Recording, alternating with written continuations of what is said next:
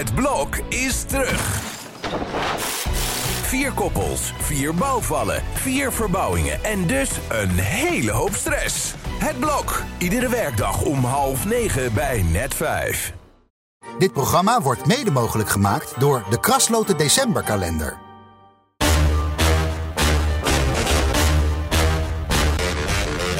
Dit is Strikt Privé, de dagelijkse showbiz-update met Evert Zantegoed en Jordi Versteegden. Ah, je bloost nog helemaal. Nou, en dagelijks, dagelijks. Vorige week sloegen we een dagje over. Maar dat gaan, zijn we deze week niet van plan, hè? Nee, zeker niet. Ja, ik zie nog een beetje ja, de blosjes op je wangen. Komt dat door shownieuws gisteravond? Waar je zat met Rob Jetten en de hockeyhunk? Ja, dat was wel heel gezellig, moet ik zeggen. Wat een aardige gozer. En die hockeyhunk ook. Want ja, ik ben toen degene die hem dat etiket opgeplakt heeft. Oh, thank you very much, meteen. En eh, ik moest er wel erg om lachen, want hij had toen zelf een foto gepost van hem zonder naam op zijn Insta. En eh, ik ben toen gaan rondbellen. En toen zei hij, nou, ga maar eens op het hockeyveld kijken. Het is die en die en dan komt het Argentinië. Dus toen hebben wij dat zonder tegen Rob te zeggen, want anders denk ik, gaat hij het weer op je Insta zetten. Dan hebben we die naam onthuld. Ja. En de cover van Privé staat natuurlijk op woensdag altijd in de Telegraaf. Dus Rob werd er aan alle kanten op patent gemaakt dat hij in de privé stond op de voorpagina. En eh, die is hem 's middags gaan kopen. en het was een prachtige dag, eind eh, september, ik, eind augustus. Ja. En eh, die jongen lag op het strand, dus hij met die privé naar, naar het strand. En zei surprise! nou, vanaf dat moment wist iedereen wie die was. De hockeyhunk. De term is erg gaan beklijven.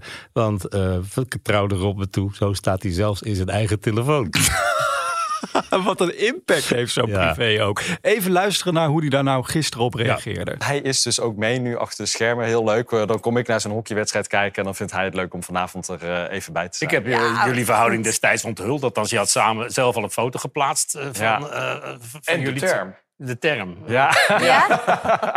Noem, jij hem, noem jij hem thuis ook Nou, ik heb hem moeten beloven dat ik die tegen mezelf niet meer zal uitspreken. Dus jullie moeten het even doen als jullie het hebben over de hockey.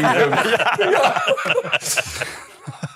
nou, ik ben blij als het woensdag is, moet ik zeggen. Want ja, zei ook allemaal, denk ik, ze lopen op hun achterste benen. Een wonder dat niemand van het hele gezelschap ziek geworden is. Tja. Caroline schijnt een beetje te hoesten, dus daar blijft iedereen nu uit, bij uit de buurt. Maar eh, ja, het is een uitputtingsslag natuurlijk. Je kan de televisie niet aanzetten of één van de zes voornaamste. Er zit wel ergens en dat is van 's morgens vroeg tot gisteravond, 's avonds laat. Ja. Ja. ik ben heel benieuwd hoe het gaat aflopen. Ik heb echt Nou, van alle kanten op. Ik vond de peiling van Maurice eh, de Hond Nou, met weekend- Wilders. Inderdaad. Dat zou echt wat zijn, zeg. En ik denk dat heel veel mensen in een peiling niet eens toe durven te geven dat ze op, op Wilders stemmen. En dat zou dan inderdaad nog wel eens als grootste uit de bus kunnen komen. Nou, Gerard Joling zou er blij mee zijn. Ik wou zeggen, wat een brug, wat een brug. Waar hij in ieder geval niet op gaat stemmen, dat weten we ook. Nou, dat is voor de televisiering van volgend jaar even tot hier. Wat was hij aan de beurt gisteravond, Zo. zeg. En het, is, het was best venijnig, vond ik. Engnek werd hij genoemd. Ja. En, eh, mwah, en dat allemaal omdat hij bij Bo gezegd heeft dat hij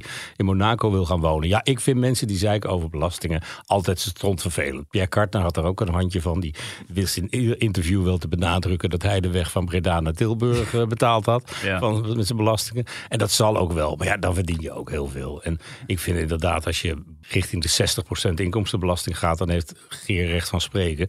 Maar ja, dat zag hij bij Timmermans aankomen. En ja, hij had het dus voorzien op Timmermans van de week. En dan kom je bij de omroep BNN-Vara, die toch heel erg Ja, maar het was Timmermans is. En dan ben je aan de beurt bij eh, Niels en Jeroen. Want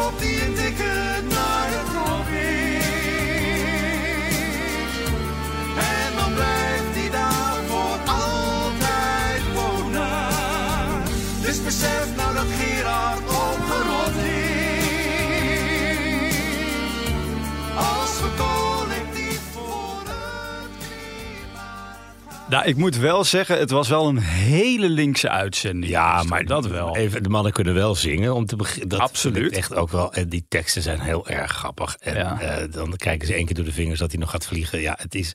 Maar het, ik, vorige week zat er ook een hele nare opmerking over Israël in. En, en daar ging iedereen aan voorbij. Het wordt steeds linkser, dat programma lijkt het wel. Ze hebben eerst zieltjes gewonnen richting de 2 miljoen kijkers. Ja. En nu beginnen ze de, als meneer Pastoor hun boodschap uit te dragen. Moeten ze een beetje mee uitkijken. Ja, ik heb zojuist nog even even gebeld met het management van Gerard Joling. Want Gerard zelf lag volgens mij er op één oor. Zij noemden het allemaal een beetje flauwig van de mannen van Evert hier. Maar ja, ik zei dan weer, het is toch ook een compliment als je in zo'n programma helemaal uitvergroot wordt. toch? Ja, ik weet niet of Geert dat nodig heeft. Ik denk dat hij dit niet gewend is, want zoveel kritiek is. Het is toch een soort labrador van de showbiz, Zeker. Geer. En niemand heeft er ooit moeite met wat hij zegt en wat hij roept. En ja, ja het is Geer. Ja. En als je er dan nu zo'n keer uitgepikt wordt en trending bent op, op X, dan eh, is dat even wennen, denk ik. En even slikken ook. Dus ik verwacht nog wel een reactie de loop van de dag. Hmm. Nou, wie ook een beetje trending was dit weekend en er ook stevig van langs kreeg, is Tino Martin. Die stond in Ahoy. Wat is dat toch met die Ja. gozer? Je gaat toch niet lam in Ahoy staan, zou je zeggen? Nee. Maar heel veel mensen in het publiek waren ervan overtuigd dat hij dat wel weer was. En ja, ook als je roept van hallo Ziggo. Ik heb het met Madonna wel eens meegemaakt. Dat ze zei hallo Amsterdam en in de Kuip stond. Ja. Maar Tino Martin moet het verschil toch weten tussen Amsterdam en Rotterdam. En het is een teken aan in die enthousiasme. Ik weet het niet, maar mensen waren A, heel boos dat ze kaarten van 400 euro hadden gekocht. Beter ook van een lotje gekeken. voor Als je Tino Martin. 400 euro voor Tino Martin Nou. zijn drie liedjes betaald. Maar eh, goed, dat doe je dan. Maar vervolgens ging het naar de kleinere zaal. En zijn die mensen gewoon maar ergens neergezet. En niks 400 euro. Dus ja, het management was gisteren nogal eh, kort van stof. En zegt, ja, hier willen we het niet meer over hebben. Maar dat ik doen ze niet- vaker. ik kan me niet voorstellen dat die mensen het er ook bij laten zitten. Nee, ja, ik vind dat heel opvallend. Want elke keer als je het management van Tino belt, als er weer wat kritiek is, dan steken ze hun kop in het zand. Terwijl ik denk, ga nou eens een keer Ja, gewoon... of er komt een docu waar ze helemaal in doorslaan. Dus Ja. het is gewoon, het evenwicht is totaal zoek. En ja. ja, ik denk de fans de volgende keer ook. Want dit gebeurt je natuurlijk geen tweede keer dat je je mee laat slepen naar in Amsterdam eerst en dan naar Rotterdam. En, Ja. en vervolgens weggezet wordt en de dronken artiest op de bühne aantreft. Ik zou daar niet op zitten te wachten.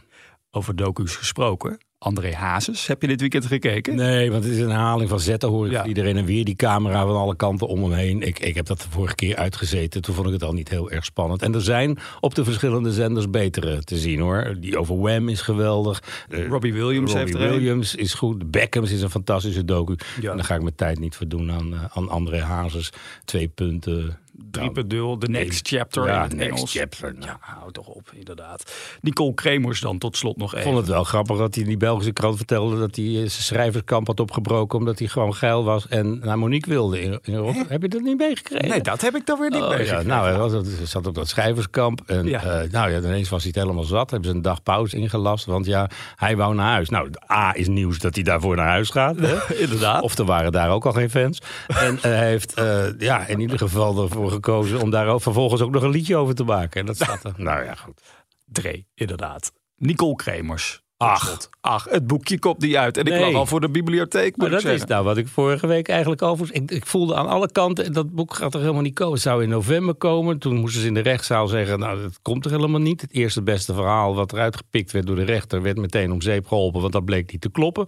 Er ligt al een compleet boek klaar... maar die, die schrijver durft het niet meer uit te brengen... om de een of andere reden. Oh. Dus al met al is het boek rond, rond het boek... is bijna net zo spannend als het boek zelf. En Peter zal wel tevreden zijn dat hij in ieder geval... eh, eh, ja, hier hoeft geen vonnis meer over geleverd te worden... want het boek gaat er gewoon niet komen, joh. Geen boekenbal voor eh, Nicole Kremers. Ik zag er al helemaal lopen daar tussen al die literaire figuren. Ja, zeker. Nicole Kremers.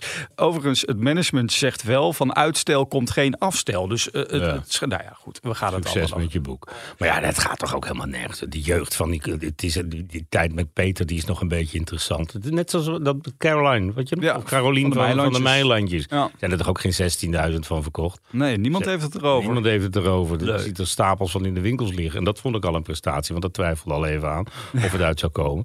Maar dat is natuurlijk ook geen hit. En weet je, het is toch te dun voor een boek. Caroline, die heeft zes keer de bedden opgemaakt in Chateau Meiland. Die schrijft een boek. Het venijn zit hem in de staart, mensen, in deze podcast. Nou, wij sluiten het boek voor vandaag. Ja, Morgen om 12 uur Deo Volente. zijn we er weer. Tot dan. Dit programma werd mede mogelijk gemaakt door de Krasloten Decemberkalender.